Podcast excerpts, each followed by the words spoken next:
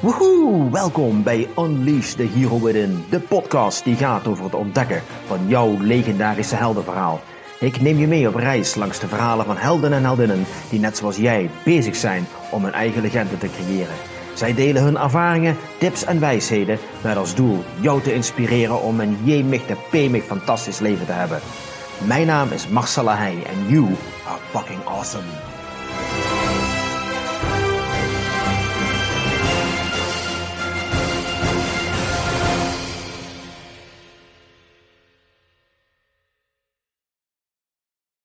Hallo en welkom bij een nieuwe aflevering van Unleash the Hero Within. En vandaag heb ik een hele speciale uitzending voor je, want vandaag gaan we het namelijk hebben over geld. Digitaal geld, om precies te zijn. En als je aan digitaal geld denkt, dan denk je hopelijk ook aan de Bitcoin. En vandaag praat ik met Quinten François, een expert op het gebied van cryptocurrency, blockchain en natuurlijk de Bitcoin. En heeft er zelfs een boek over geschreven, de Bitcoin-revolutie. En ja, ik weet niet of jij je bezighoudt met Bitcoin, maar this is fucking interesting, guys. This is the fucking future. En dat is ook de subtitel van zijn boek, Waarom digitaal geld de toekomst is. Dus daar gaan we het vandaag uitgebreid over hebben. Dus alles wat je wilde weten over Bitcoin en nog veel meer, het gaat vandaag allemaal aan bod komen. Aan het einde van deze podcast weet jij precies of je Bitcoin moet gaan kopen. Het antwoord daarop is trouwens ja. Maar ook waarom en hoe je dat gaat doen. Dus stay tuned, because it's going to be very awesome. Quinten, um, welkom in de uitzending. Uh, fijn dat je tijd uh, vrij wilt maken om uh, te komen praten over, over Bitcoin. Ja, dank, dankjewel Marcel en dag iedereen. En zeker en vast bedankt eerst en vooral om, om mij op de podcast te ontvangen. Het is een, het is een hele eer. En ja, looking forward om, om een beetje over, over crypto te praten, om een beetje over, over Bitcoin te praten. En zoals de luisteraars wel kunnen horen, ik ben zelf een, een Belg. Dus een Belg die in Nederland, naar Nederland is ge immigreert. Dus, uh... Ja, nou, goede zaak.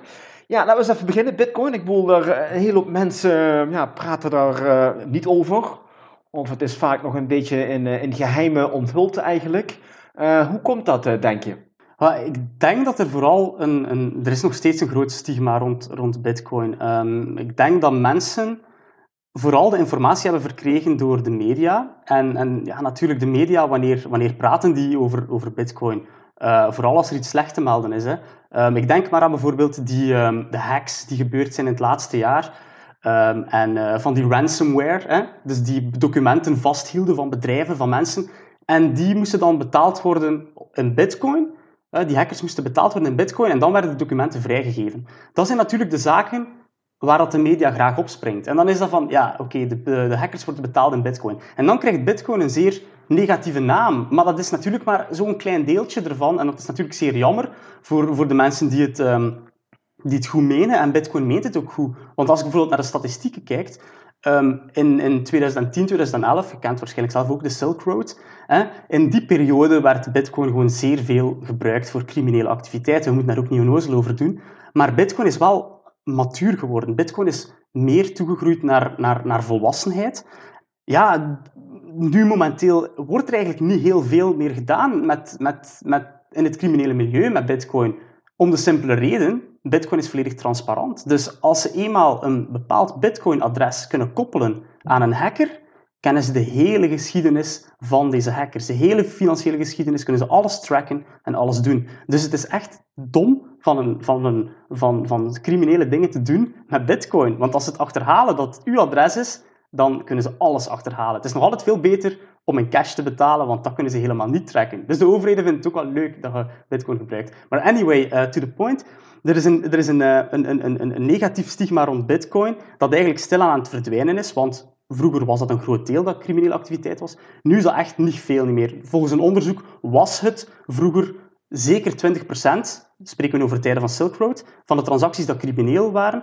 Um, en dat is nu gedaald naar 0,04% van alle transacties. Dus dat daalt gewoon. Er komen nu normale mensen toe in de, in de industrie, om het zo te zeggen. Dus um, dat negatief stigma is altijd gebleven. En vooral voor de media. En, en dan hoort je over bitcoin. Natuurlijk, wanneer gaan we nog over bitcoin horen? Is als het natuurlijk nieuwe hoogtes bereikt, dan is het weer meer positief. Dan gaan de mensen iets positiever er tegenover staan. Um, maar dat denk ik dat eigenlijk door de media gecreëerd wordt, dat mensen denken van oei, bitcoin, blijf er maar van weg. Niet goed, criminelen, ehm, outlaws. Hè. Mhm. Ehm, dat, dus dat denk ik wel eigenlijk, ja. Ja, ja. Misschien kun je ons eventjes mee eh, terugnemen de tijd. Je hebt een mooie trui aan. Er staat op eh, Bitcoin established in 2009. Yes. Dus eh, het is inmiddels eh 11 jaar oud. We gaan het 12e jaar in. Waarom is Bitcoin er gekomen? Laat ons eerst nog iets verder teruggaan in de tijd. Dus ehm, in de, allee, geld bestaat natuurlijk al zolang dat de mensheid bestaat. Het verhaal dat er ruilhandel bestond is eigenlijk niet waar. Want er, bewaas- er, kan enkel ruilhandel bestaan als een bepaald goed een bepaalde waarde heeft. Dus zij kunnen de waarde niet inschatten van een kip en ook niet van een koe als daar nooit een waarde heeft opgestaan. Dus ruilhandel heeft nooit bestaan. Het heeft enkel gewerkt met mensen gaven spullen aan elkaar op een bepaald moment en dan werd dat bijgehouden. Van kijk, die heeft zoveel kippen aan hem gegeven, dat is dan bijvoorbeeld een handvol met, met, met graan of zo. Hè. Dat is heel veel gebeurd. Maar het, het concept van ruilhandel heeft enkel in tussenperiodes tussen monetaire systemen bestaan. Heeft nooit bestaan als economisch model aan zich. Nooit. Dus ruilhandel, dat is eigenlijk een heel fout verhaal. Dat klopt niet. Maar dus, vroeger werd er betaald met, met goederen die, die, die, waarde, die waarde hadden. En vroeger was het dan inderdaad graan, zoals ik net vermeldde. Dat was dan heel vroeger. Hè? Dus dat er met graan werd betaald. Ehm, vele munten zijn daar nog steeds van afgeleid trouwens. Eh, bijvoorbeeld de lire, eh, de libra, ehm, de Israëlische eh jekel of zoiets, de, de, de, de, de munt van Israël. Ehm, dat betekent, heeft allemaal met graan te maken, dus die bestaan al heel, heel, heel lang. Dan is dat eigenlijk geëvolueerd van, van graan naar, naar edelmetalen. Omdat edelmetalen iets algemener aanvaard werden. Want bijvoorbeeld graan, dat werd rot, of dat werd slecht, of een beetje regen en het was kapot. Men had wel snel door van, ja, edelmetalen, dat is, dat is goed. En die edelmetalen, goud, vooral goud en zilver, dat had waarde. Waarom? Omdat er verschillende dingen aan te pas kwamen. Onder andere, daar kwam arbeid aan te pas. Dat was, dat was zeer ar- arbeidsintensief om dat uit de grond te halen. Nog steeds trouwens is het heel arbeidsintensief om dat uit de grond te halen. Er is slechts een be- beperkte hoeveelheid dat per jaar naar omhoog kan worden gehaald. Ehm, en, en, en die dingen creëren waarde voor een goed. Dus men zei van, ja, kijk, goud, dat, is, ja, dat gaat ook niet kapot, dus dat is wel cool. Eh, we gaan dat gebruiken als betaalmiddel. Maar die, die dingen zijn uiteindelijk ook misgelopen, laat ons zeggen, doordat er eh, doordat bijvoorbeeld een gouden munt werd ehm, aangevuld met minder edele metalen. En die minder edele metalen werden dan in een nieuwe munt verwerkt, maar internationaal werd dan het aanzien van die specifieke munt, ja, nam dat af, want ja, ehm, in het begin was die munt 8 gram goud en nu is er nog maar 3 gram goud. Van ja, allee, dat is voor ons niet meer dezelfde waarde. Dus op die manier zijn vele monetaire systemen in elkaar gestuikt, doordat er te veel van werd gemaakt en zonder dat er arbeid aan te pas kwam. In mijn boek leg ik dat ook al heel uitgebreid uit met voorbeelden van bijvoorbeeld ja, ook, ook andere soorten munten en zo. Het is altijd al zo geweest, er moet, altijd, er moet arbeid aan te pas komen, opdat iets op lange termijn sustainable zou zijn. Dus, ehm, wat is het Nederlandse woord van sustainable ook alweer? Houdbaar? Ja, ja Ah. inderdaad. Zichzelf in stand kan houden. Lange termijn houdbaar. Ja, ja. Dus, ehm, dus, dus dat, is er, dat, is er, ja, dat is er altijd al geweest. Dat is een heel belangrijk aspect aan geld. En van, van, van, van goud zijn we dan geëvolueerd naar, naar, een soort van fiat-systeem dat we momenteel kennen. En daar vind je niks van die aspecten momenteel terug. Fiat geld, dat is, daar moet niks van moeite voor worden gedaan om, om te creëren. Wat dat het gevaarlijk maakt natuurlijk, want eh, iemand die met de vinger op de knop zit voor, voor dollars en euro's bij te maken, die heeft eigenlijk alle macht. Die kan gewoon zoveel ehm, euro's bijprinten als hij maar wil. Maar dat is natuurlijk niet goed voor mensen om waarde te hechten aan die specifieke munt. Maar mensen willen dat daar, dat daar bloed, zweet en tranen aan te pas komen, dat dat iets van waarde heeft op de manier waarop het gecreëerd wordt. En dat is momenteel niet zo. Dus we zijn momenteel gekomen van, van, van, van graan vroeger en, en andere dingen dat werden eh, uitgewisseld naar, naar, naar edelmetalen, ehm, nu naar fiat geld. En, en, het fiat geldsysteem heeft, heeft gewoon ja, zoveel tekortkomingen ehm, dat het eigenlijk op lange termijn niet houdbaar is. En ik ben ook niet de enige dat dat zegt. Dat zijn ook de, de, de grote bankiers dat dat zeggen, de grote wereldleiders in de financiële sector, de grootste investeerders ehm, eh, ter wereld, die zeggen ook van ja, eh, ja cash en, en fiat geld, dat is, dat is niet de way to go. Maar we zijn er nu al zo ver in gekomen dat het, dat het eigenlijk al een beetje te laat is om het, uh, om het nog aan te passen. Het is een, het is een put die alleen maar dieper wordt. Uh, letterlijk ook, de schuldenput, hè, die alleen maar dieper wordt. Um, dus ja, dat, dat is het grote probleem. En we hebben daar twee zaken in. Um, fiat geld dat, dat het slecht maakt. En dat is uh, quantitative easing en fractioneel bankieren. Dat zijn de twee zaken hoe geld gecreëerd wordt. Um, maar ja, het is, het is te veel om momenteel uit te leggen. Maar dat zijn eigenlijk de twee grote zaken wat dat fiat geld zo slecht maakt en zo unsustainable op lange termijn. En er kan gewoon zoveel van gecreëerd worden als, als, als, als iemand maar wil. Um, iemand met, met, met de macht. En dan is Bitcoin eigenlijk een beetje als reactie daarop gekomen. Want de eerste grote uiting van de, het, slecht zijn van ons huidig monetair systeem was um, in uh, de financiële crisis, de huizencrisis in de Verenigde Staten, dan uh, de, de bankencrisis, financiële crisis, uh, de val van, uh, van grote banken in Amerika, um, Lehman Brothers vooral. En, en eigenlijk toen, als reactie daarop, is Bitcoin gecreëerd. En ze hebben Bitcoin gecreëerd met het oog op van, kijk, wij willen dit fixen, wij willen een uitweg bieden uit het monetair systeem dat toch op lange termijn niet houdbaar zal zijn. En, en, en Bitcoin bijvoorbeeld dan van die, van, die, van die eigenschappen van het is gedecentraliseerd, dus er is eigenlijk niemand die met de vinger op de knop zit voor bitcoins bij te maken. Dat kan niet, want dat ligt vast in code, dat is gecodeerd, daar is consensus rond, rond het hele netwerk. Gedecentraliseerd betekent eigenlijk gewoon dat het netwerk is van niemand en van iedereen. En dat maakt Bitcoin zo uniek. Het is gedecentraliseerd, het is de eerste wereldmunt. Dus het gaat over politiek en over landsgrenzen heen. En Bitcoin wordt ook gecreëerd doordat er arbeid aan te pas komt, in de vorm van mining. Je kunt het een beetje vergelijken met hoe dat goud uit de grond wordt gehaald. Um, maar het, het, grote voordeel van Bitcoin tegenover goud is dat de inflatie van Bitcoin, dus het aantal Bitcoins dat elk jaar wordt gemaakt, gaat elke vier jaar wordt dat gehalveerd. Momenteel is dat 1,8% per jaar. Tot in mei van dit jaar was dat nog 3,6%, dubbele. Dus 1,8% is dat nu. Je kunt dat vergelijken met de inflatie van goud. Zoveel goud wordt er elk jaar uit de grond gehaald. 1,8% van de hoeveelheid die al reeds bestaat. Dus uh, eigenlijk is Bitcoin gewoon een uitweg uit het, um, of een alternatief, laat het ons zo zeggen, voor het huidige fiat geldsysteem. En um, ja, dat maakt Bitcoin gewoon zo uniek. En, en, en daarom is het ook zo, zo aantrekkelijk voor velen. En zeker omdat het inderdaad die lage inflatie heeft, die alleen maar lager zal worden. En ook omdat het een maximale hoeveelheid heeft van 21 miljoen, die ooit zal bestaan en daar stopt het. Niemand weet hoeveel goud dat er in de grond zit. Elon Musk bijvoorbeeld, die zegt van, ja, um, wie weet vliegt er rond onze aarde een asteroïde rond, waar dat er een enorme hoeveelheid goud in zit.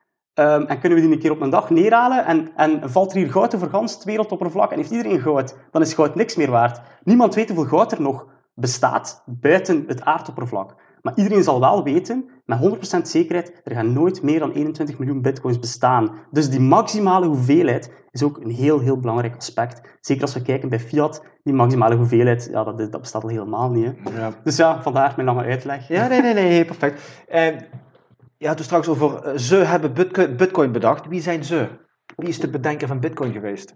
Dat is eigenlijk een, een, ehm, een, een groep of een persoon, maar naar alle waarschijnlijkheid, um, het zit zo ingenieus in elkaar dat het wel een groep zal geweest zijn. Um, maar die gaan onder het, het uh, pseudoniem um, Satoshi Nakamoto. Zij hebben inderdaad Bitcoin gecodeerd. Ze hebben dat bedacht. Ze hebben blockchain-technologie, dus de technologie achter Bitcoin, uh, helemaal uitgewerkt. En dan hebben zij dat gewoon uit handen gegeven. Ze hebben dat opgericht ze hebben dan een keer getest. Hè. De eerste transactie met Hal is, uh, is, uh, was zijn naam, de e-, allereerste transactie tussen Satoshi Nakamoto en Hal Um, ehm, en um, dan hebben ze gezegd, oké, het werkt, trek er uw plan mee. En ze hebben dat gewoon aan de cyberfunks gegeven. Dat is eigenlijk een groepering van, van uh, cryptografen in Amerika. Um, en, en, eigenlijk is Satoshi Nakamoto gewoon dat project aan die groepering gegeven en gezegd van kijk, ik heb dit, alternatief voor geld, het is cryptografisch beschermd allemaal, nieuwe technologieën, dit en dat, het zit allemaal goed in elkaar, salut, ben ermee weg. En dat is natuurlijk ook een, de kracht van, van, uh, van bitcoin, hè, dat eigenlijk de, de, de maker niet bekend is. Uh, dus het is eigenlijk gewoon, zogezegd uit het niets gekomen en het systeem is van niemand en van iedereen. Dus dat is eigenlijk wel mooi aan het hele verhaal van Bitcoin. Hè? Ja, dus de cyberfunks hebben dat uh, gekregen. Die zijn ermee in de slag gegaan. Want die, hebben, ja, die kregen iets in de schoot geworpen van ja, heel succes ermee. Nieuwe uh, systemen voor geld. Mm -hmm. En die hebben dat dus uitgerold naar de wereld toe, naar de maatschappij toe. Dat is ergens begonnen, in Amerika, denk ik. En dat is vervolgens door steeds meer mensen opgepikt geworden. Want ik kan me voorstellen, zo'n zo'n bitcoin, die was voorheen, kost natuurlijk niks. Ja, en heden ten dag staat hij op 16.000 dollar of zo, geloof ik. Ja. Dus hoe is, dat, hoe is dat in zijn werking gegaan? Waarom is die bitcoin zo succesvol geworden? Hoe is die zo succesvol geworden? Ja, dat is, dat is eigenlijk een, dat is een heel goede vraag, Marcel. Um, en het, het, ik denk dat het gewoon is omdat meer en meer mensen beseffen dat, um, dat ons huidig systeem gewoon niet goed is. Ons huidig monetair systeem, om, om het zacht uit te drukken, is gewoon verouderd, is niet goed. Ik, ik, ik zeg altijd graag, uh, fiat geld, dus dat zijn de euro's, de dollars, is uh, een systeem van de rijken voor de rijken. Als we teruggaan naar, naar 1971, dan is, uh, heeft Richard Nixon de dollar helemaal losgekoppeld van goud. Dan is het helemaal misgegaan. Gemerkt, als dat nog gebackt was door goud, was dat, was dat in orde. Maar toen is die, die wealth gap, hè, dus een arm en rijk, is sinds 1971, daarvoor was dat vrij gelijklopend, voor 100 jaar lang. En dan vanaf 1971 zie je letterlijk die grafiek, ziet je de rijkste 1% de lucht in schieten, ziet je de armste um, 1%, of armste 10% denk ik dat het wel zelf was op die, op die grafiek, ziet je gewoon naar beneden gaan. Met andere woorden, dat is een systeem dat bedacht is door de rijken en voornamelijk de rijken profiteren daarvan. En ik denk het succes van Bitcoin moeten niet verder zoeken dan de, um, de, ja, de problemen met ons huidig fiat geldsysteem. En ik denk dat meer en meer mensen dat gewoon beginnen te beseffen. En, en dat gaat geleidelijk aan. Je merkt dat inderdaad, dat is begonnen in 2009. 3 januari 2009 is Bitcoin gelanceerd. Um, en, en de jaren nadien zijn meer en meer mensen uh, het ongenoegen, vooral door financiële crisis, door bankencrisis die eraan vooraf gegaan is, het ongenoegen daarvan gezegd van, ja, kijk, ik wil dat een kans geven. Dat is een fair systeem, dat is gedecentraliseerd, dat gaat over landsgrenzen heen, daar moet je geen oorlog over voeren. Ja, ik wil dat wel een keer proberen. En ik denk dat meer en meer mensen dan een kans hebben gegeven over de jaren heen. En, en momenteel zitten we, zitten we aan Um, zitten we aan ongeveer, de schatting loopt uiteen, maar toch al aan 50 tot 100 miljoen mensen uh, op de wereld. Het is nog altijd niet heel veel, maar het is toch al een aanzienlijk deel hè, dat, uh, dat Bitcoin heeft. Dus ik denk dat dat vooral het succes van Bitcoin verklaart. En natuurlijk ook wat dat Bitcoin gewoon is. Alle zaken die ik al heb opgenoemd, zoals gedecentraliseerd zijn, uh, maximum supply enzovoort. Dat is allemaal, dat spreekt aan. Mensen leren daarover, mensen beseffen dat dit wel een goed alternatief zou kunnen zijn. Ja. En dan hebben we het niet eens gehad over landen waar helemaal geen bankensysteem was. Hè? De derde wereld, landen die geen bankensysteem hebben. Maar wel heel veel mensen een smartphone hebben. En die ineens toegang kregen om zakelijke transacties met elkaar te gaan doen. Dus het ondernemerschap werd in dat soort landen uh, toegelaten eigenlijk. En we hebben natuurlijk de landen gehad waar uh, hyperinflatie is, uh, is geweest. Ja. Uh, misschien kun je daar iets meer over vertellen. Want mijn kennis schiet daar helaas in tekort. Ja, dus inderdaad, um, het is zoals gezegd, hè, er zijn veel mensen in de wereld die buiten het huidig financieel systeem vallen. Dat staat dan los van het monetair systeem. Dus het financieel systeem is vooral het bankensysteem. Um, en die vallen daar buiten. Die, die, zijn niet interessant voor de banken. Dus de banken zeggen van, kijk, men, vooral mensen in Afrika en in Zuidoost-Azië um, en in India en zo ook, hebben een bepaald deel van de bevolking en die hebben letterlijk gewoon geen, die, die mogen geen rekening aanmaken bij de bank omdat die bank zegt van ja, jullie zijn niet interessant voor ons. Hmm. Maar jij sluit toch geen lening af, je hebt toch niks op de bank staan. Ja, ik heb alleen maar problemen met u, zo gezegd. Hè? En dat is 3 miljard mensen. We zijn momenteel met 7,6 of 7,7 miljard. Ze zijn nu een nieuwe telling aan het doen in China, dus er zullen er wel een paar honderd miljoen bij komen. Ze doen dat om de 10 jaar, denk ik, zo'n telling in China. Dus uh, binnenkort zal het 8 miljard zijn, laat ons zo zeggen. Dus dat wil zeggen dat meer dan de helft van... Uh, meer dan de helft, sorry, wat zeg ik nu? Uh, meer dan um, een, een, ongeveer een vierde, laat ons zeggen, ongeveer een vierde van, van de wereld heeft eigenlijk momenteel geen, geen, ja, geen opportuniteit om, om, om een bankrekening te hebben.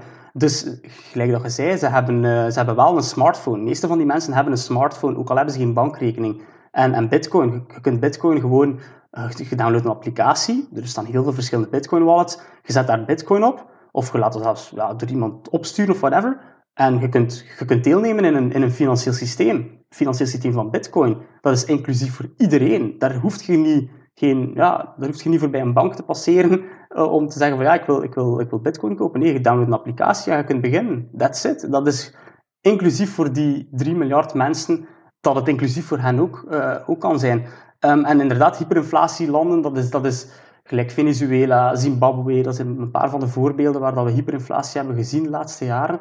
Ook in die landen is bitcoin zeer populair, omdat die beseffen wat fiat geld teweeg kan brengen. Um, er zitten daar mensen aan de knoppen in hun land die helemaal de pedalen kwijt zijn geraakt en te veel geld hebben bijgeprint, uh, waardoor dat vertrouwen in de munt wegging, zeker op een internationaal vlak, en de bal gaat aan het rollen. Hè. Um, en ze blijven maar bijprinten en bijprinten. En, en, op een bepaald moment, zeker in Venezuela de laatste jaren, um, ging je s'morgens naar de, naar de koffiebar. Je vroeg een koffie. Je betaalt, laat ons zeggen, 2 dollar. Je gaat s'avonds opnieuw een koffie gaan halen en het was daar 4 dollar. Zo snel ging het daar. Die, hun maandloon was op het einde van de maand, was hun maandloon, omdat er in die maand zelf zoveel inflatie was geweest, was, hadden ze op het einde van de maand een maandloon waarmee ze niet eens een bus melk konden kopen. Hm. Dus zo uit de hand gelopen is het daar. En Bitcoin kent die inflatie niet. Bij Bitcoin bestaat dat niet, omdat dat een ander systeem is, dat, dat, waar werking komt, waar, waar, waar een vaste hoeveelheid bij komt. En, en dat heb je met fiat geld niet. En inderdaad, voor, voor deze mensen biedt dat ook een enorm alternatief. En je ziet ook hè, in Zimbabwe en Venezuela, die, um, de hoeveelheid mensen die daar bitcoin gebruikt, is vele maal groter dan hier bijvoorbeeld in, in Europa, waar we uiteraard minder kans hebben om de hyperinflatie te zien. We moeten daar eerlijk over zijn. Dat gaat waarschijnlijk niet gebeuren, uh, omdat het hier politiek vrij stabiel is, omdat het uh, op wereldvlak de euro nog steeds hoog aangeprezen staat, hoog gewaardeerd staat. Dus de dollar en de euro, wij moeten ons niet te veel zorgen maken, maar het is vooral de rest van de wereld die, uh, die zich zorgen moet maken om bepaalde zaken, zoals veel van de mensen die unbanked zijn of hyperinflatie. Ja. Mm, mm, mm. Goed, je zei net uh, landen die maar geld uh, gingen bijdrukken. Dat is natuurlijk ook een tijdperk waar we nou terecht zijn gekomen. We zien het in, uh, in Amerika natuurlijk, hè. dan draait de geldpers over uren. We zien het bij de Europese Centrale Bank. Het geld wordt maar bijgedrukt, wordt maar bijgedrukt. Corona speelt daar natuurlijk een hele grote rol in, want er wordt geld bijgedrukt zodat we een hele hoop mensen kunnen blijven steunen. En terecht, hè, als we alles laten instorten, nou dan nou, als de puinhoop helemaal niet moeten overzien. Dus we proberen nou mensen te helpen, proberen ondernemingen te helpen door maar geld bij te drukken en het uit te delen als het ware. Voor heel veel ondernemers en bedrijven zijn daar terecht ook een hele hoop vangnetregelingen, zodat hun personeel in dienst kan blijven, zodat het allemaal nog een beetje in stand blijft. In hoeverre zie jij dat het hele corona gebeuren en het bitcoin gebeuren met elkaar samen, een soort samenhang hebben? Ja, um, inderdaad, is, dat, is, dat, is, dat is heel belangrijk. Wat er nu in corona gebeurt, gaat voor veel mensen weer um, de ogen openen. Als je bijvoorbeeld kijkt naar de Verenigde Staten, zoals gezegd, ze hebben heel veel geld bijgeprint. De Verenigde Staten, om, om precies te zijn, um, 6 biljoen. Alleen dit jaar al. En als je weet dat er in totaal um, enkeling, ik heb het dan wel over, over geld op de bankrekening enzovoort, niet de waarde van, van, uh, van bedrijven, maar goed. Dus uh, het aantal dollars dat wereldwijd in omloop is, is 30 biljoen. En ze hebben dit jaar alleen al 6 biljoen uh, bijgeprint. Dus dat is een gigantische, gigantische hoeveelheid. Uh, dat gaat over 20%. Maar waar gaat dat geld naartoe? Dat is dan weer een vraag. En daar gaat de mensen hun, hun ogen open. Um, in Amerika bijvoorbeeld, dus voor die 6 biljoen dat ik net zei, de mensen hebben daar een zogenaamde stimulus check gekregen. Dus elke volwassene in Amerika heeft een check gekregen van 1200 dollar. Maar dan spreken we over een 300 à 400 miljard. Dat is uitgedeeld aan de gewone mens. Maar dat is peanuts met die 6 biljoen dat is bijgeprint. Want dat wil zeggen van ja, waar is die andere 5,6 biljoen naartoe? Waar is dat naartoe? En letterlijk, er zijn mensen die, die dat gevraagd hebben van, van ja, kijk, Federal Reserve, hè, de, de centrale bank van Amerika, waar is dat geld? Waar is die andere? Wij hebben 400 miljard alle Amerikanen samengekregen, de gewone mens. Waar is al, al dat andere geld naartoe? En dat is weer opnieuw dat systeem van de rijken voor de rijken. Waar is dat geld naartoe? Ja, je moet het niet ver zoeken. Inderdaad, eh, bedrijven stimuleren, vooral grote bedrijven. Ik denk maar aan Boeing, heeft enorme hoeveelheden geld gekregen, omdat ze anders er uh, onderdoor zouden gaan. Uh, maar ook andere bedrijven, dus alle, allerlei soorten bail-outs. dat is naar die, naar die beurzen gegaan om dat weer artificieel op te pompen, ehm, bedrijven overeind te houden, noem maar op. Je moet het ook niet, allez, je moet het niet verder zoeken. Hè kijkt, in corona is bijna iedereen in absolute koopkracht armer geworden. Maar de hele top 7 van rijkste miljardairs is enorm in waarde gestegen. Jeff Bezos is enorm veel rijker geworden. Elon Musk heeft zijn, zijn vermogen verdubbeld dit jaar. Um, allee, noem maar op, hè. Mark Zuckerberg, al die biljonairs, al die uh, miljardairs, sorry, um, die hebben allemaal een vermogen zo sterk zien stijgen. Ja, dan moet je niet afvragen waar dat alle geld naartoe is. Dat is naar, naar al die bedrijven gegaan van die rijken of zelfs superrijken. Dus dat is helemaal geen fair systeem. En dus corona gaat er weer aan, aan, aan, aan bijdragen dat er heel veel geld wordt bijgeprint. Dat is ten eerste niet goed. Economie gaat het niet goed doen. Maar er gaat ook weer onvrede komen van de mensen van ja, je hebt nu al dat geld bijgecreëerd. Waar is dat allemaal naartoe? En dan, ja, dan mogen ze het gaan uitleggen natuurlijk. Ik denk dat op verschillende vlakken, zowel op het vlak van geld bijprinten, als het verdelen van dat geld, onvrede bij de mens gaat creëren. Want Allee, je moet ook denken van 20% bijvoorbeeld in Amerika is er, is er bijgeprint. De mensen worden daar alleen maar armer van. Hè? Van geld dat wordt bijgeprint, van inflatie. Hmm. De, je koopkracht daalt. Dus um, als je als je bijvoorbeeld kijkt van... Ik zeg maar iets, hè. Als je 1 op de 100 stuks van een financieel systeem hebt, ja, dan heb je 1%. Klopt, hè? Mm -hmm. 1% van al het vermogen in dat financieel systeem. Nu, als de uh, eigenaar van dat financieel systeem beslist om 20% bij te drukken, dan heb je opeens nog maar één van, dat, van die stuks op 120. Dus opeens hmm. zet je een deel van je vermogen kwijt.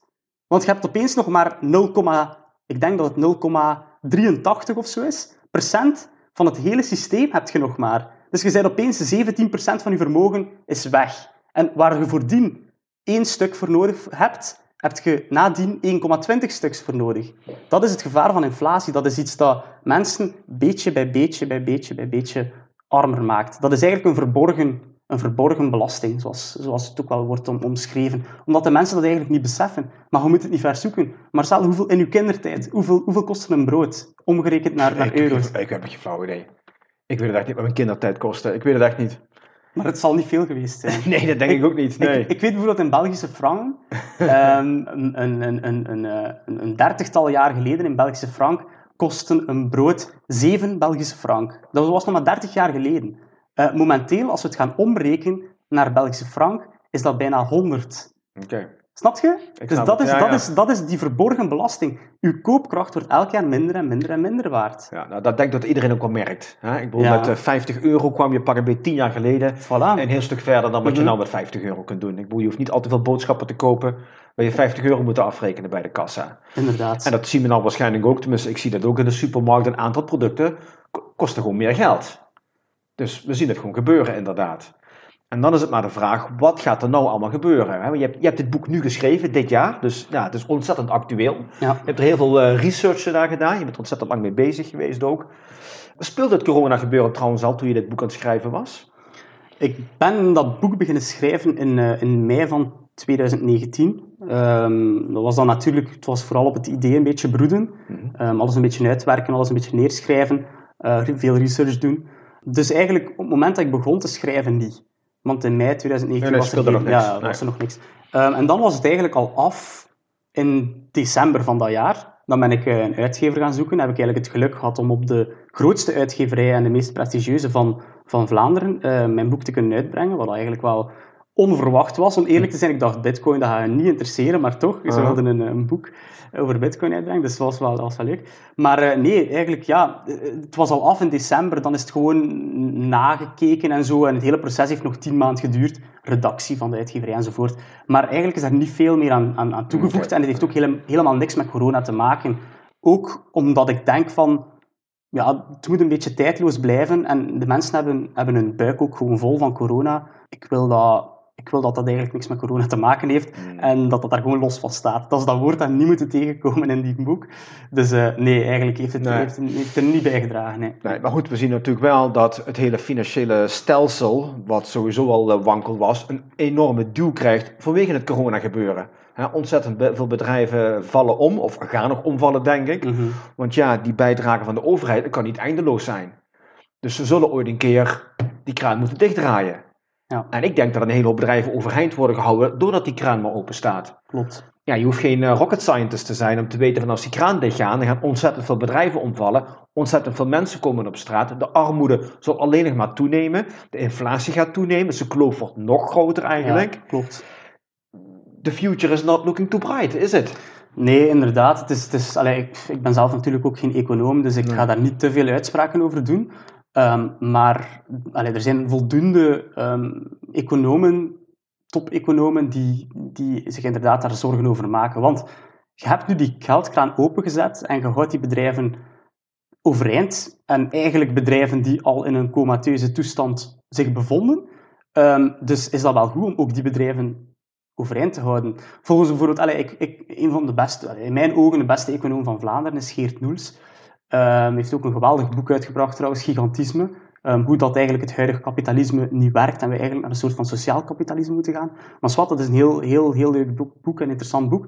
En hij zegt ook van, kijk, een, een, een, die comateuze bedrijven, laat die gewoon failliet gaan. Hetzelfde met bijvoorbeeld een boeing, die eigenlijk quasi dood was voor corona, die de doodsteek heeft gekregen in corona, en toch gaat de Amerikaanse overheid daar miljarden en miljarden in pompen. Dat is gewoon een comateus bedrijf die niet gaat overleven zolang dat die, allez, zodra dat die geldkraan dicht wordt gedraaid. Dus het punt is, ze, houden nu al die bedrijven um, overeind. Daarvan gaan sommigen zeker en vast terug op eigen benen kunnen staan. Allez, een groot merendeel.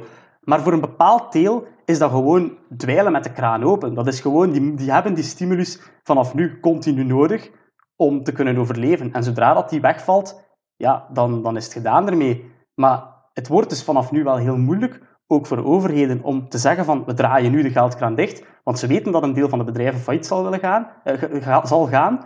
En ze willen dat ook niet op hun geweten hebben. Er is nee, nee. politici die zijn zo sterk bezig met een volgende verkiezing, dat zij niet degene willen zijn dat de dingen verandert en, en de dingen een keer eindelijk oplost hoe pijnlijk dat het in het begin ook kan zijn. Maar volgens inderdaad Geert Noels, die zegt ook van kijk, die comateuze bedrijven, je moet ze gewoon laten failliet gaan. Boeing, idem. Zelfs in 2007, 2008, al die banken die amper overeind konden blijven, want er in België ook, hè, door, door, door de, geïnfecteerd door de Amerikaanse banken. Hij zei ook van laat die gewoon failliet gaan en geef kans aan concurrentie. Maar ja, het ziet er gewoon niet goed uit. En, en, en Geert Noels zegt ook bijvoorbeeld van, van uh, een economie Ehm, dat, dat, dat zet je niet aan en uit, gelijk dat, je de, uh, gelijk dat je het licht aan en uitzet. Als je het aanzet, springt het onmiddellijk aan, zet het uit, gaat het uit. Een economie is eerder zoals een dieselmotor. Je zet dat aan, dan moet je een beetje opwarmen, dan gaat dat pas deftig beginnen werken als hij in gang is gekomen, enzovoort. Dat gaat veel trager, dat proces is traag. Maar als je die dieselmotor uitzet, en je laat hem een hele winter staan, en je probeert hem dan uit te, aan, terug aan te zetten, gaat hij tegenstribbelen, dan gaat hmm. hij haperen. Ja, haperen, inderdaad. Dus zo kun je de economie ook vergelijken. En, en ja, voor de rest weet ik niet goed hoe dat het er de komende jaren zal uitzien. Het is in ieder geval niet goed. En ik denk ook dat de overheden zeer moeilijk zullen hebben om, uh, om te zeggen van kijk, we stoppen met die stimulus. Ja, ze zouden dat beter wel doen. Maar als ze het niet doen, is dat heel slecht voor de mens die zijn euro spaart, mm. natuurlijk. Want die inflatie gaat onver, allee, onvermijdelijk leiden tot uh, een verlies van koopkracht. Ja, ja, ja. inderdaad. Ja, ja. Klopt. Hey, uh, over je, in jouw boek, even teruggaan naar de bitcoin. Je hebt het over de, de, de cycli, uh, zag ik ergens staan. Uh, dat is wel interessant. Ehm, misschien kun je daar eens meer over vertellen. De cycli van de bitcoin. Ja, oké. Dus de cycli van de bitcoin, dat is eigenlijk een heel, een heel interessant gegeven. Persoonlijk um, heb ik daar tijdens... Allez, ik heb in mijn boek ook natuurlijk ook heel veel geleerd terwijl ik dat schreef. Um, zeer veel research gedaan en, veel meer uh, bijgeleerd over bepaalde onderwerpen waaronder inderdaad de marktcycli. En uh, de marktcycli van Bitcoin, je moet weten, er bestaan cyclische activa en non-cyclische activa. Maar cyclische activa, bijvoorbeeld goud, zilver, is zeer cyclisch. Eigenlijk is de aandelenmarkt in principe ook cyclisch, als het niet zo sterk zou beïnvloed worden door de centrale banken, die er geld bij pompen als het niet goed gaat. Maar in ieder geval, je hebt altijd verschillende fases in een cyclus. En je hebt een fase van um, een, een, een prijsstijging. Dus je hebt eigenlijk vier fases, ook bij Bitcoin. Je kunt dat eigenlijk beperken tot vier fases. Je hebt, de eerste fase is, je gaat langzaam naar omhoog. Een jaar kun, is dat bij Bitcoin ongeveer, een jaar ongeveer, gaat je langzaam naar omhoog. Dan heb je het volgende jaar, dan gaat je stijl naar omhoog. En dan, op dat moment komen natuurlijk de laatkomers. Hè? En dan komen, uh, de, springen de media op de kar van oh, Bitcoin heeft een nieuwe recordhoogte bereikt. Hè? Je weet het allemaal wel nog in 2017. Dan heb je een jaar bear market. Dat betekent dat de prijs zeer sterk naar beneden gaat. En dan heb je een jaar accumulatie. En momenteel, als ik zou zeggen van kijk, waar zitten we momenteel? Want dat is wel, denk ik, interessant ook voor de mensen om, om mijn mening daarover te kennen. Maar ik denk dat daar wel consensus rond is. Dat is niet mijn persoonlijke mening. Ik denk dat er wel eh, een brede consensus rond te vinden is in de crypto-industrie. Zijn we in, um, in dat jaar eigenlijk ons aan het voorbereiden op dat, uh, op dat sterk stijgend jaar? Zitten we nu eigenlijk zo tussen het, het opwarmingsjaar, dat we al een beetje naar omhoog gaan, en dan het sterk stijgende jaar? Dus ik denk, normaal gezien, als je die trend zou doortrekken, want Bitcoin heeft eigenlijk al twee volledige cycli uh, voltooid en een halve, dus we zitten eigenlijk Laat ons zeggen dat we nu aan de, aan de vierde zitten. Hè? En wacht, dus maar een cycli duurt vier jaar, zeg je. We zijn begonnen in 2009. Dus dat was van 2009 tot 2013, was de eerste cycli. Nee, eigenlijk niet, want de, cycli, de cycli worden langer en langer. En de vorige Oh. cyclus was gewoon vier jaar. Dus ik, ik denk ook dat die cyclus nu langer zal worden. Want eigenlijk, die cyclus van 2009 was eigenlijk maar een cyclus van twee jaar. Oké. Dus dat was eerst twee jaar, dan had je eh, drie jaar en een paar maand, dan had je vier jaar. Dus de trend is wel van De cycli duurde steeds ja, langer ook. voilà, inderdaad. Ah, dat, heeft ook, dat is ook heel typisch voor een activa-klasse dat volwassen wordt. Je ziet dat ook bijvoorbeeld bij, bij goud en zo. Die cycli van goud duren momenteel duurt dat ongeveer 15 à 20 jaar. Voor de aandelenmarkt is dat ook ongeveer 15 à 25 jaar. Maar dat zijn volwassen activa-klassen. Bitcoin is nog zo jong. Ehm, die cycli moeten nog matuurder worden. Die prijsfluctuaties moeten nog verminderen. Enzovoort, enzovoort. Dus volgens mij, als je eigenlijk de, ehm, de cycli bekijkt van Bitcoin, dan zouden we normaal gezien tussen eind 2021, dat zou zijn dat de cyclus, cyclus vier jaar heeft geduurd, en eind 22, dan zou het vijf jaar zijn. Ergens daartussen denk ik dat wij de top gaan zien van volgende cyclus. Dus er is natuurlijk nog tijd en ik denk dat we nog vrij vroeg zijn eh, momenteel in deze cyclus. Ehm, maar ik denk inderdaad, tussen eind 21 en eind 22 denk ik dat we de, een nieuwe top gaan zien van, eh, van de markt, van de Bitcoin-markt. Ja. Oké, maar goed, we zitten nu best wel in een stijgende markt. Dus eigenlijk, hè, dus dat is fase 2 in de cycli, Ja. zou je zeggen. Maar dat betekent ook, hè, als ik eventjes eh, mijn boerenverstand gebruik, Mhm. de bitcoin gaat omhoog. Dan gaan natuurlijk een hele hoop mensen zeggen van, ik ga mijn winsten pakken. Dat betekent als mensen hun winsten gaan pakken, dat we weer omlaag gaan. Dan komen we in die bear market eh, terecht. De non-believers die zeggen, nou, wat een shit. Hè? Dus die stappen ook uit. Ja. Wat als gevolg heeft dat de koers nog verder omlaag gaat. Waardoor paniekzaai, eh, paniek ontstaat. En nog meer mensen de boel gaan verkopen. Maar dan wordt op een gegeven moment die koers zo laag dat mensen zeggen, ja, nu ga ik hem kopen. En dan komen we in die accumulatiefase terecht. En hoe meer mensen meer gaan kopen, dan ontstaat weer vertrouwen. De koers gaat weer omhoog. Mensen kijken terug naar de, de all-time high in de vorige cycli. En die zeggen, wow, het zijn weer koopmomenten. Mhm. Want de all-time high, correct me if I'm wrong, is rond de 20.000 dollar geweest. Ja. We zitten nu rond de 16.000 dollar. Dus we hebben nog een beetje ruimte. En we zien dat ding gewoon nou, bijna elke dag stijgen Mhm. op dit moment. Ja, de laatste weken is het echt eh, serieus geweest met de Bitcoin-prijsstijgingen. Het is ermee dat ik ook zeg van, ik denk dat we tussen fase 3 en 4 zitten. Tussen die opwarmings, op dat opwarmingsjaar. Accumulatie een beetje. Ja, accumulatie hebben we al achter de rug. Oké, ja, ja. Dus accumulatie was echt wel tussen de 7000 en de 10.000. Ja. En dan nu dit jaar hebben we, zijn we sterk gestegen. Even een dipje gehad tijdens corona, een serieus dipje. Mhm. Maar je kunt wel zeggen van ja, 2020 was eigenlijk wel dat opwarmingsjaar. Dus zou 2021, of in- vanaf de helft van 2021, wel dat eh, parabolische jaar kunnen worden. Dat, is- dat, stijl, dat dat dan stijl stijgt. Volgens mij kunnen we daar effectief van spreken vanaf het moment dat we de vorige all-time high doorbroken hebben. Dus ik denk dat we effectief van kunnen zeggen van kijk, vanaf nu begint dit steile jaar, hè, dus het echt het parabolische jaar, dat de prijs heel erg stijgt enkel vanaf dat we de 20.000 voorbij zijn. Dus daarom dat ik denk van, we zitten er nu wel dichtbij, bij, dat, bij die vierde fase, maar we zijn er nog niet. Vanaf dat 20.000 doorbreekt, dan gaat het snel gaan. Want dan zijn het blue skies, er is geen weerstand meer natuurlijk. Hè. Dan is het gewoon, spread your wings and fly, bitcoin. Ja, wings and fly. dus, dus eh, ja, dat, dat zit er wel aan te komen. Dus ik denk dat we momenteel daar wel zitten. Ja. Maar momenteel, ja, we zijn enorm gestegen hè, de laatste weken, de laatste maand, alleen al 50% omhoog. Ehm, ja, dus allee, 45% eerder. Maar ja, dat is, dat is, dat is insane. Hè. Dat is, allee, is heel erg aan het stijgen nu. En het is ook moeilijk om te zeggen, ja, what's next? Gaan we eerst terug naar 10.000 of gaan we rechtstreeks naar 20.000? Het is een heel moeilijk moment momenteel. Mm, ja, ja, ja. Maar goed, ja, waarschijnlijk kom jij net zoals ik, en waarschijnlijk veel meer als mij, mensen tegen van, hey Quinten, is nou een goed moment om bitcoin te kopen? Eh, natuurlijk had je dat een maand geleden moeten doen, hè, om die 45% eh, boven te pakken. Maar ja, als we richting de 20 gaan, dan is met 16 nog steeds een fantastisch moment om te kopen. Wat zou je, waarom geloof jij zo, waarom ben je zo overtuigd van de kracht van bitcoin? Want jij schrijft ook in jouw boek mee, trouwens we hebben het er straks over gehad, dat jouw schatting, jouw voorzichtige schatting is dat we eind 2021, 2022 toch wel richting de is het, 75, 100.000 euro kunnen gaan. Ja, dollar. Dollar, ja, Ja, sorry. sorry. Ik Ja. dat is, een, dat is een, eh, soms verwarrend voor mensen, maar inderdaad, het is, we spreken altijd in dollar, omdat eh, dat wordt allemaal zo uitgedrukt. En anders kunt je, kunt je het vergeten in de crypto-industrie, anders wordt het tegen. Nee, nee, nee, zeker. Maar eh, zeker. dus inderdaad, dat de, de, mijn, mijn persoonlijke, ja, oké, mijn persoonlijke schatting is is tussen de 75 um, en, en 100.000. Het kan zelfs nog hoger gaan. Want weet je, in, in, we hebben het gezien in 2017, we hebben het ook gezien in de piek van 2013 zelfs.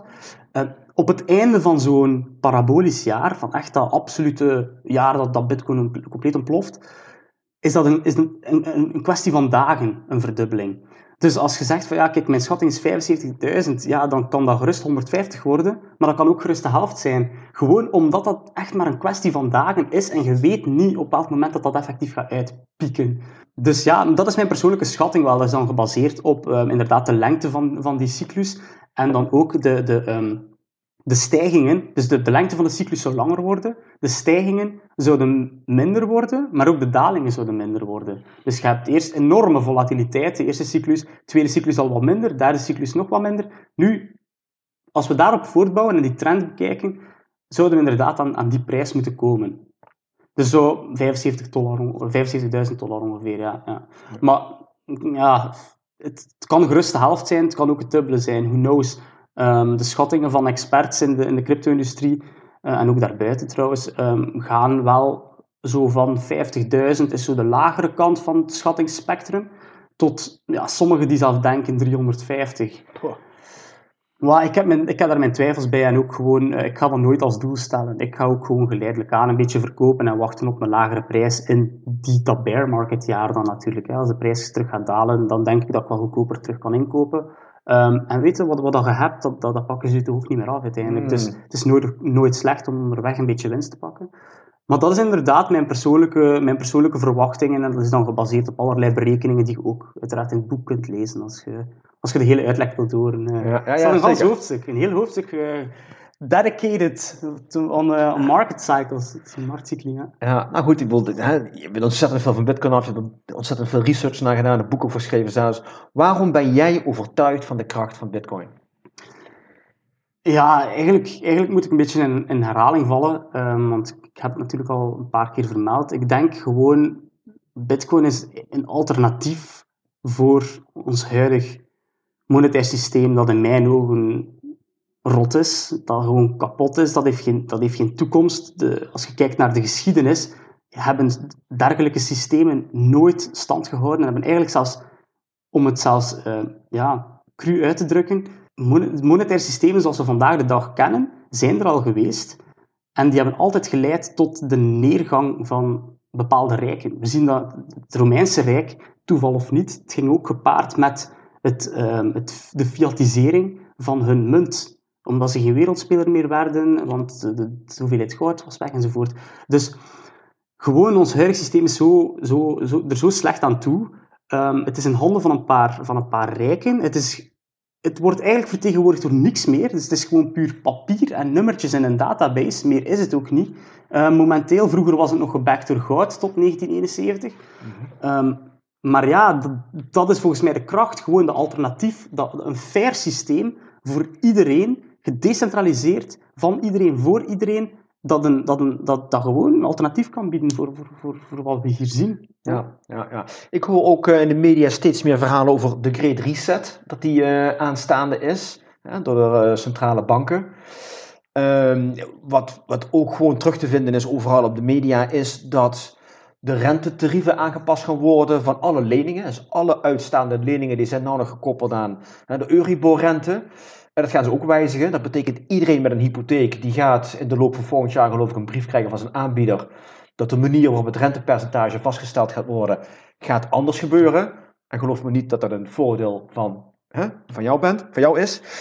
De Great Reset, ja, dat klinkt al inderdaad alsof er wat spannends op komst is. Um, weet je daar misschien iets meer over te vertellen? Well, ik, ik, ik probeer mij altijd een beetje te beperken tot de feiten en ook niet echt uh, te doemdenken. Dus mhm. ik ga daar niet volledig in mee en zo van de Great Reset en zo. Uh, ik, ik denk gewoon als we puur naar de feiten kijken, dat we eigenlijk al genoeg aanwijzingen hebben dat het niet goed is momenteel. En dat, dat het niet goed gaat en, en dat het vroeg of laat wel gedaan zal zijn in ons huidig monetair systeem. Ze zullen een alternatief moeten bedenken, wat dat, dat ook mag zijn. Um, ik denk dat ze wel gaan proberen met bijvoorbeeld in de komende jaren een digitale euro, een digitale dollar, die dan eigenlijk een ander systeem uh, vormt. Dat je gewoon een wallet gaat kunnen installeren, waar dat je digitale euro's en dollars op kunt ontvangen. Misschien zelfs losgekoppeld van banken, dat, dat durf ik mij niet echt over uit te spreken. Maar iets dergelijks gaan ze sowieso proberen. Dus ik denk dat de, het huidige systeem heeft wel nog speling om bepaalde dingen te proberen. En ik denk dat dat niet ver af is. Dat is ook een van die dingen dat ze inderdaad bespreken in de Great Reset. Dat ons ja. huidige systeem dan zal, zal vallen. De economie zal resetten, daar heb ik mijn twijfels bij. Maar uh, ons huidig monetair systeem resetten of volledig omvormen, dat zie ik wel gebeuren. Dat, daar ben ik wel van overtuigd. Dus dat dan los van wat er gaat gebeuren met de economie natuurlijk. Maar zo ja, ik denk dat iedereen zich momenteel kan verwachten, als we binnen vijf jaar de podcast terugluisteren, hm. dat er een digitale euro zal bestaan. En een, digitale ja, ja, een digitale dollar. En in China zijn ze er al volop aan bezig, bijvoorbeeld. In China de digitale yuan. Uh, die zal waarschijnlijk gelanceerd worden in de Winter Olympics. Ik denk dat dat in de winter van 22 is. Ik ben het niet zeker, 21 of 22. Zal die normaal gezien gelanceerd worden. Um, dus China is daar one step ahead. En, en de andere grote overheden en banken zullen ook niet kunnen achterblijven. Hè? Want anders gaat China de, de grote speler worden hè, op mm. wereldgebied. Zij, zijn, zij hebben de innovatie gedaan en zo. En, ja. Dus het zal moeten. Er zal een andere weg worden ingeslaan, daar twijfel ik niet aan. Hoe dat, dat zal gebeuren, dat weet ik niet. Of er een great reset komt van de economie. Uh, ik hoop van niet. Ik denk dat dat veel te veel menselijke miserie met zich mee zal brengen. Dus uh, ja, ik ben wel overtuigd van een, van een reset in het monetaire systeem. Dat wel. Ja, ja, ja. ja. Ik kreeg toen straks een vraag van iemand die zei van nou, uh, bitcoin wordt door de overheid nog niet gezien als een wettelijk betaalmiddel, maar als een ruil, ruilmiddel. Wat misschien een beetje vreemd is, want uh, PayPal bijvoorbeeld, die heeft ervoor gezorgd dat je overal kunt betalen met bitcoin. Mhm. Dus als ik een boek, uh, boek, wil kopen bij, bij Amazon, dan kan ik gewoon in principe betalen met cryptocurrency, met bitcoin. Ja. Um, loopt de wet nog een beetje achter, uh, denk jij? Ja, ik denk het wel. Ik denk dat, dat de, de, de overheden ook vrij, goh, vrij um, hoe zal ik het zeggen, uh, voorzichtig te werk gaan. Mm -hmm. Dat zij een beetje de kat uit de boom kijken. Ik denk dat Nederland het eigenlijk nog beter doet op dat vlak dan bijvoorbeeld België. In België is er eigenlijk helemaal geen regelgeving rond cryptocurrencies. Daar is, zeggen ze van ja, wat, wat is het eigenlijk? We weten het niet. Um, hoe wordt het belast? Ja, we weten het ook niet. dus uh, daar is het eigenlijk nog helemaal anders. Maar hier, hier in Nederland is het natuurlijk is het wel iets beter. Typisch Nederland trouwens, eh, altijd een beetje voor. Land van de regeltjes, hè? Ja, ja, en ook, ook, altijd een beetje voor op België. Dus uh, dat is zeker goed.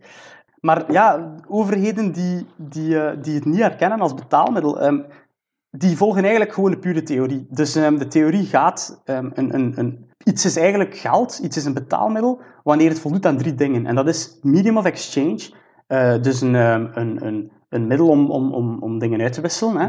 een unit of account, dat betekent dat je een rekeneenheid. En ook een store of value. Dat betekent dat je je, vermogen daarin kunt opslaan, zo gezegd. Hè.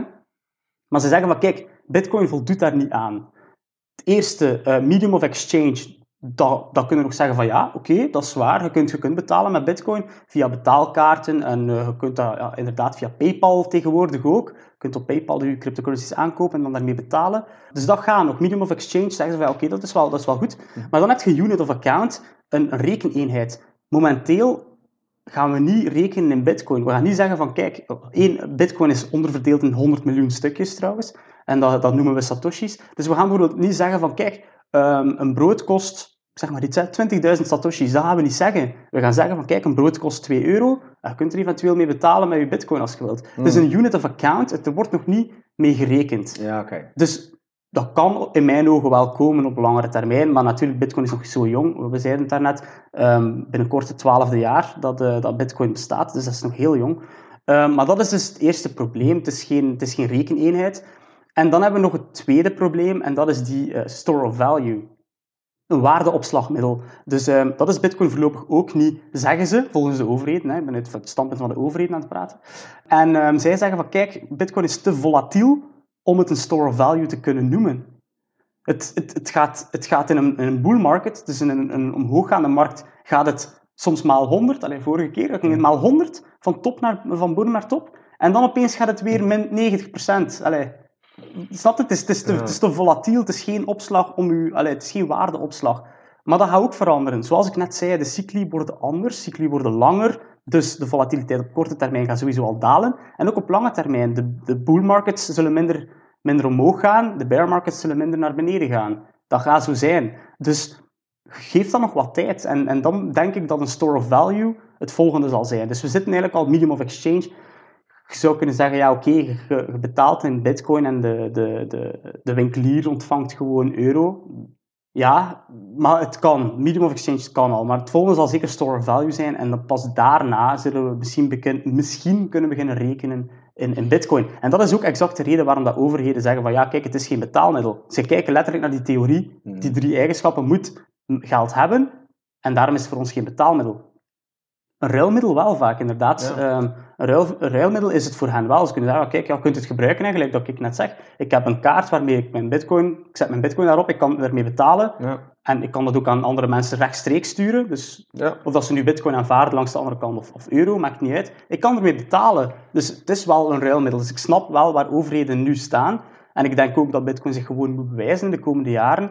En dat dan pas die aanpassing zal gebeuren. Ik denk niet dat we op moeten rekenen dat overheden eerst uh, de wet gaan aanpassen en dan pas gaan zeggen van... Nee. En dan gaan wachten totdat het goed komt. Nee, hè, ze gaan eerst wachten totdat het goed komt en dan de wet aanpassen. dat is ook logisch, hè, een beetje een afwachtende houding. Kan nog een tijdje duren dus, inderdaad. Denk het wel. Ja, maar ja, goed, als je inderdaad ziet wat je, wat je zegt, je hebt tegenwoordig debitcards, hè, Mastercard, Visa zelfs ook. Mhm. Je hebt gewoon je creditcard, je kunt gewoon overal mee betalen. Klopt. Je stort gewoon geld op je exchange ja, als je voor een maand geleden één bitcoin had gekocht, nou, had je toch even heel wat maandjes meer boodschappen kunnen doen. Klopt. Ja. het wordt gewoon afgeschreven. Je betaalt met je debitcard bij de supermarkt en wordt afgeschreven in bitcoin. Inderdaad. Ja, ja, ja, dus het wordt ook steeds, uh, steeds toegankelijker. Ja. Hey, wat kom jij nou in de praktijk tegen van mensen die nog twijfelen? Eh, ongetwijfeld zijn er nou luisteraars die zeggen, ja, klinkt allemaal mooi en aardig, maar ik twijfel nog. Ik durf het niet. Uh, natuurlijk, het is een beetje onbekend, maar onbemind. Het is ook van ja, hoe dan? Hoe koop ik bitcoin? Hoe moet ik dat doen? Niet iedereen weet dat. Ja, wat, wat kom jij nog van bezwaren tegen in de praktijk? Ja, dat zijn, dat zijn allez, je hoort wel inderdaad veel mensen dat, dat, dat dat wel willen, maar dat om bepaalde redenen niet durven. Hetgeen wat ik vaakst hoor, is van, ja, maar bitcoin is zo duur nu. 16.000 dollar, dat is zo duur. Je moet weten, kijk, um, Bitcoin bestaat nu 11 jaar, bijna 12 jaar. En doorheen zijn geschiedenis is Bitcoin zogezegd altijd duur geweest. Relatief ten opzichte van de all-time high, hè, de hoogste prijs dat hij ooit heeft gehad. Dus mensen gaan vaak interesse tonen in, in, in Bitcoin in een jaar zoals dit, en zeker wat dat volgend jaar misschien zou kunnen zijn. Dan gaan mensen veel interesse daarin hebben, maar dan gaan ze het vaak te duur vinden, omdat het juist op die prijzen staat en dat het opnieuw op een all-time high staat, of ja, 16.000 ten opzichte van 20.000, ja, dat is eigenlijk niet zoveel. Ze gaan altijd zeggen dat het duur is, maar ja, een, een, een activa dat zo goed presteert, zoals Bitcoin, want Bitcoin is de, de, de best presterende activa van, de laatste, van het laatste decennium, hè.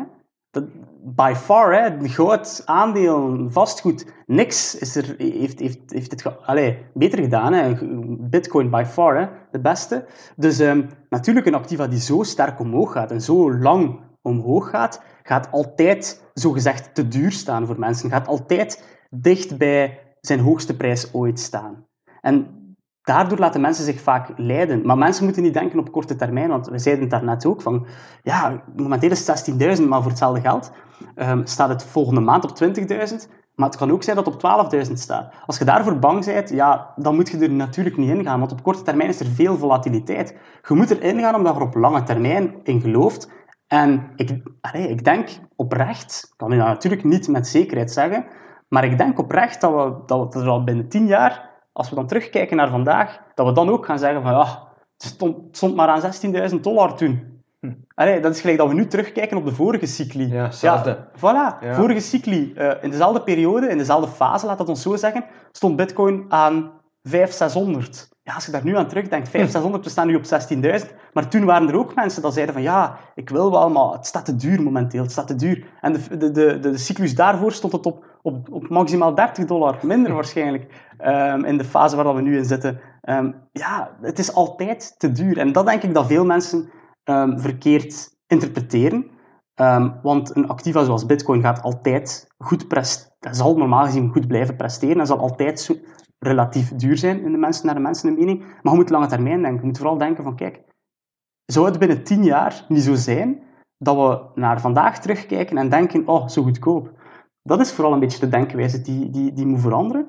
En uh, wat ik nog ja, vaak hoor van, van, van mensen is, is, ja, is ook schrik inderdaad van, van niet, enkel, niet enkel van die hoge prijs, um, maar, maar, maar ook van, van, van de volatiliteit en, en denken van ja, het is, het is inderdaad allemaal zo voor criminelen en, ja, dat is allemaal niet waar, want uh, bijvoorbeeld exchanges, als je daar bitcoin wilt gaan kopen op een exchange, uh, de procedure om je daarop aan te melden is minstens even, uh, even streng als een bankrekening openen bij, bij een bank.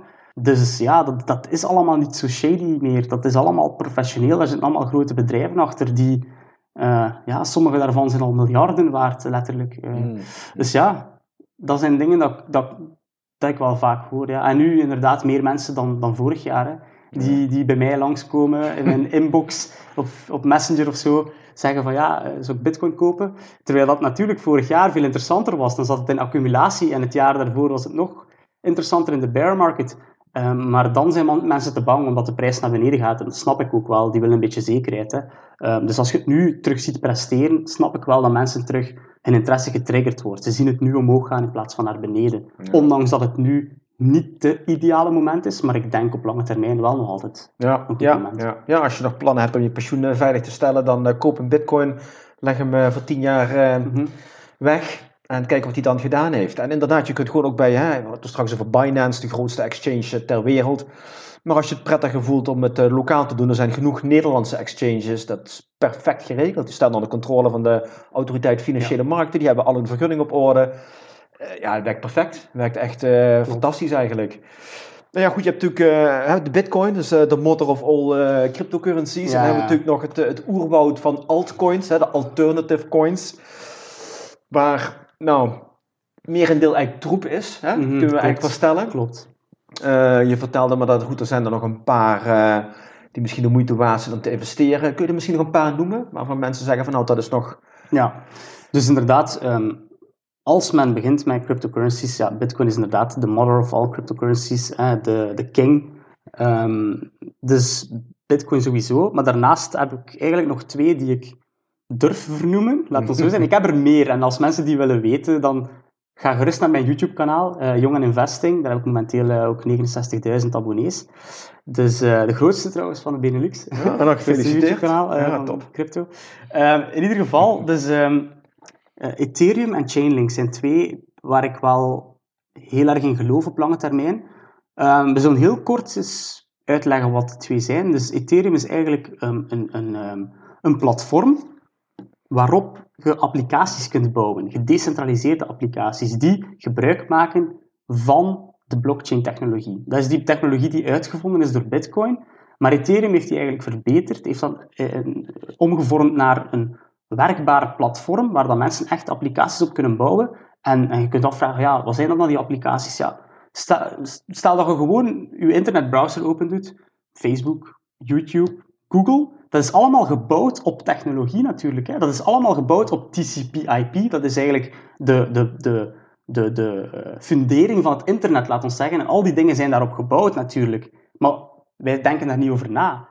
Maar Ethereum is ongeveer hetzelfde. Ethereum is eigenlijk de, de, de fundering van een nieuw soort internet. Een gedecentraliseerd internet. Een internet dat op blockchain werkt. En dat is eigenlijk dat internet, ik, ik noem het internet, maar dat is het eigenlijk niet echt. Mm. Dat netwerk van allerlei decentrale applicaties, dat kan van alles zijn, kunnen allemaal gebouwd worden op Ethereum. Ethereum is daar echt dominant in. Ethereum uh, heeft ongeveer 80% van die hele blockchain-industrie, um, dat die gewoon domineert. En uh, die hebben ook een token waarmee dat je dan van alles moet doen um, kunt doen. um, dus transacties sturen uh, enzovoort.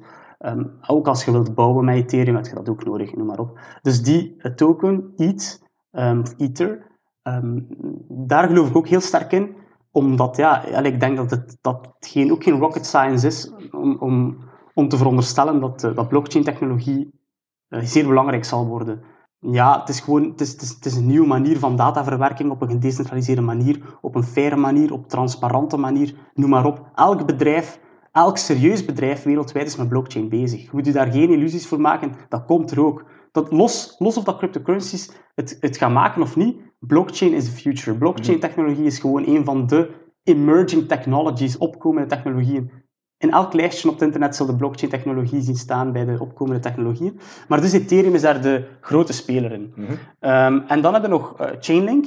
En Chainlink is eigenlijk... Die lossen een groot probleem op. Dus eerst hadden we eh, Bitcoin. Dan hadden we Ethereum. Dus Ethereum laat het nu toe om met blockchain te werken. Maar er was een groot probleem.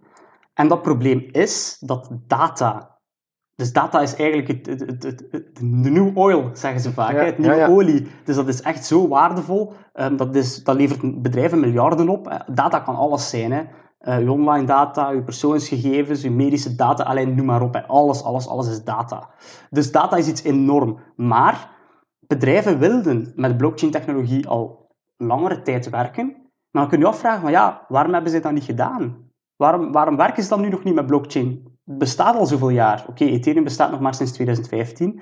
Ehm, het is ook niet 100% technologisch in orde, dat komt volgend jaar, hè, Ethereum 2.0. Maar het probleem was dat data dat geproduceerd werd van buiten de blockchain, dat dat niet op die blockchain kon geraken. Er is letterlijk een technologische barrière tussen blockchain-technologie en data van buiten de blockchain. Oké. En die barrière moest opgelost geraken. Dus eigenlijk, om het heel simpel uit te leggen, moest er eigenlijk een, een, een, een, een- een, adapter tussen komen om die, om die data die buiten de blockchain geproduceerd werd, om die te vertalen naar blockchain-taal, om het zo te zeggen. Dus die werd dan vertaald. En dat doet Chainlink. En Chainlink is daar de dominante speler in. Chainlink ehm, heeft ook ongeveer 80% markt, marktdominantie in gedecentraliseerde oracles, zoals ze zeggen. Dat is een moeilijk woord om inderdaad gewoon te zeggen van zij vertalen data, zij eh, leveren data aan, ehm, zij doen eigenlijk alles met data. Alles wat dan met data te maken heeft. Maar blockchain is data, dus dat is het belangrijkste onderdeel van blockchain. Dataverwerking, dataopslag, datatransparantie enzovoort. En als dat niet op een juiste manier werkt, ja, wat zijn er dan mee? Niks, hè? Ja. Dat is, dat is wat Chainlink doet. Dus Chainlink werkt nu ook al samen met bijvoorbeeld Google Cloud. ehm, wordt geïntegreerd in Oracle, ehm, een van de grootste softwarebedrijven ter wereld ook. Natuurlijk Google, Google Cloud ook, uiteraard. Alleen noem maar op. Dat is een, het snelst groeiende ecosysteem dat te maken heeft met blockchain ehm, ooit. Zelf Ethereum is niet zo snel gegroeid. Terwijl Ethereum nu ook duizenden en duizenden applicaties al heeft. ehm, en bedrijven dat ermee werken, wel, na, na een jaar en Eigenlijk is Chainlink maar gelanceerd in, in, eh, in 1, op 1 juni 2019. Dus dat is juist iets meer dan een jaar. En ze hebben al meer dan 300 integraties eh, gehad. Dus dat is zo sterk aan het groeien. Elke dag komen erbij, letterlijk. Dus dat is ook ongezien. Dus eh, het is een belangrijke schakel om, eh, om blockchain, maar ook crypto, mainstream te maken. Hè. Daarom die drie. Ja. Ja, oké, cool. Hey, we zijn een beetje aan het einde gekomen van ons, eh, ons gesprek. Ehm, aan jou nog het laatste woord. Is er nog iets wat je kwijt wilt eh, aan de luisteraar, die nou misschien een twijfel is van ah, bitcoin wel niet aanschaffen, wat moet ik doen? Is er nog iets wat je, wat je kwijt wilt? Ja, in ieder geval, ik zou zeggen, kijk, het, is, het blijft altijd uw beslissing ehm, om al dan niet bitcoin of andere cryptocurrencies aan te kopen. Maar het is misschien geen, goed, geen slecht idee sorry, om, ehm, om research te beginnen doen. Hè? Ehm, ik denk dat je kunt beginnen met mijn, met mijn boek te kopen. Ehm staat ook op allerlei Nederlandse websites. Bol.com. Bol.com, ja, bol.com ook. Veel andere Nederlandse websites ook. Eh, in Vlaanderen, een website van Lando zelf. Standaard boekhandel, fysieke winkels, kun je zelfs binnen wandelen in België. De bitcoin-revolutie. Ja, de Bitcoin-revolutie. Eén Ja. woord. Als je het opzoekt in twee woorden, gaat je misschien niet altijd de juiste Ah, resultaten krijgen. Dus eh, in één woord, de Bitcoin-revolutie is aan elkaar. En ehm, ik denk dat daar eigenlijk al heel veel dingen in staan die de mensen moeten weten. Dat is natuurlijk puur mijn, mijn, mijn kennis die ik al eh, sinds jaren heb opgedaan. Heb ik gewoon allemaal in een boek gestoken en ik, zo overzichtelijk mogelijk gemaakt, ook voor de beginner. Dus ja, koop zeker mijn boek aan. Dat, dat, dat, kost, dat kost niks. Hè. Die investering is... Boeken lezen is, is always worth it. Ja, dat kost niks. absoluut. En daar zit zoveel kennis in. Dus ik zou zeggen van, kijk, dat is alle- alles wat ik weet, samengevat. Dus dat boek is zeer belangrijk, vind ik. Ehm, maar daarnaast kun je ook bijvoorbeeld mij volgen op YouTube. Ik post daar ehm, vijf keer per week momenteel. Ehm, dat is, maar dat gaat altijd specifiek over een bepaald onderwerp. Dus het punt is, als mensen daar direct naar mijn kanaal komen, gaan ze niet echt mee zijn met wat ik aan het zeggen ben. Want dat gaat over heel specifieke onderwerpen. Dat is geen, geen cursus, zo gezegd. hè. nee, nee. Dus ehm, het is wel goed, ik denk als je de, de boek hebt, het boek hebt gelezen en dan naar mijn kanaal gaat, dat je zeker en vast ehm, wel, wel wegwijs gaat geraken in mijn kanaal. Daar staan ook tutorials op, zoals je bitcoin, als je bitcoin wilt aankopen of andere cryptomunten wilt aankopen, staat ook allemaal op mijn kanaal. Dus ik heb ook wel tutorials en zo voor beginners. Daar kun je terecht. Um, op Twitter kun je mij ook bijvoorbeeld volgen. Daar heb ik momenteel 13.500 uh, volgers. Dus daar kun je mij nog vaker dingen zien posten. Dat is dagelijks meerdere keren dat ik daar interessante dingen op post en, en meningen enzovoort. Maar ja, bon, er zijn daarnaast nog 101 goede ja. sources, hè, ook, ook in Nederland. Exchanges die je daarnet noemde. Coinmerce, Bitfavo zijn twee grote, twee goede. Um, zeer betrouwbaar. Die zijn ook geregistreerd inderdaad hier in, hier in Nederland daar kun je ook gerust een keer naar kijken. Die, daar kun je heel makkelijk crypto aankopen.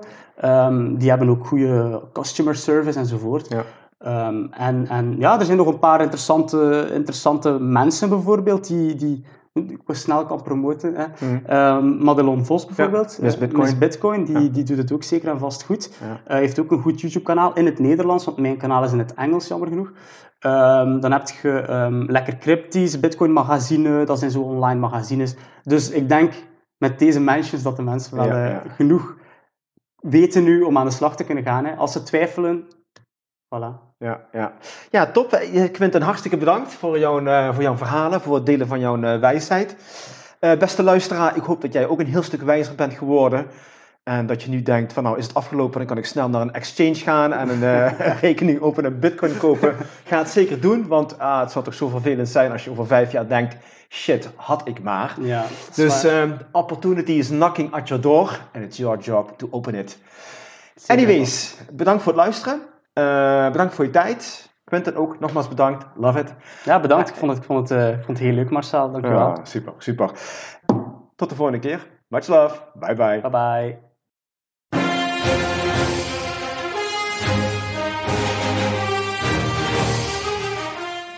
ik hoop dat je net zoals mij weer hebt genoten van de mooie verhalen van mijn gast en er hopelijk iets aan hebt gehad.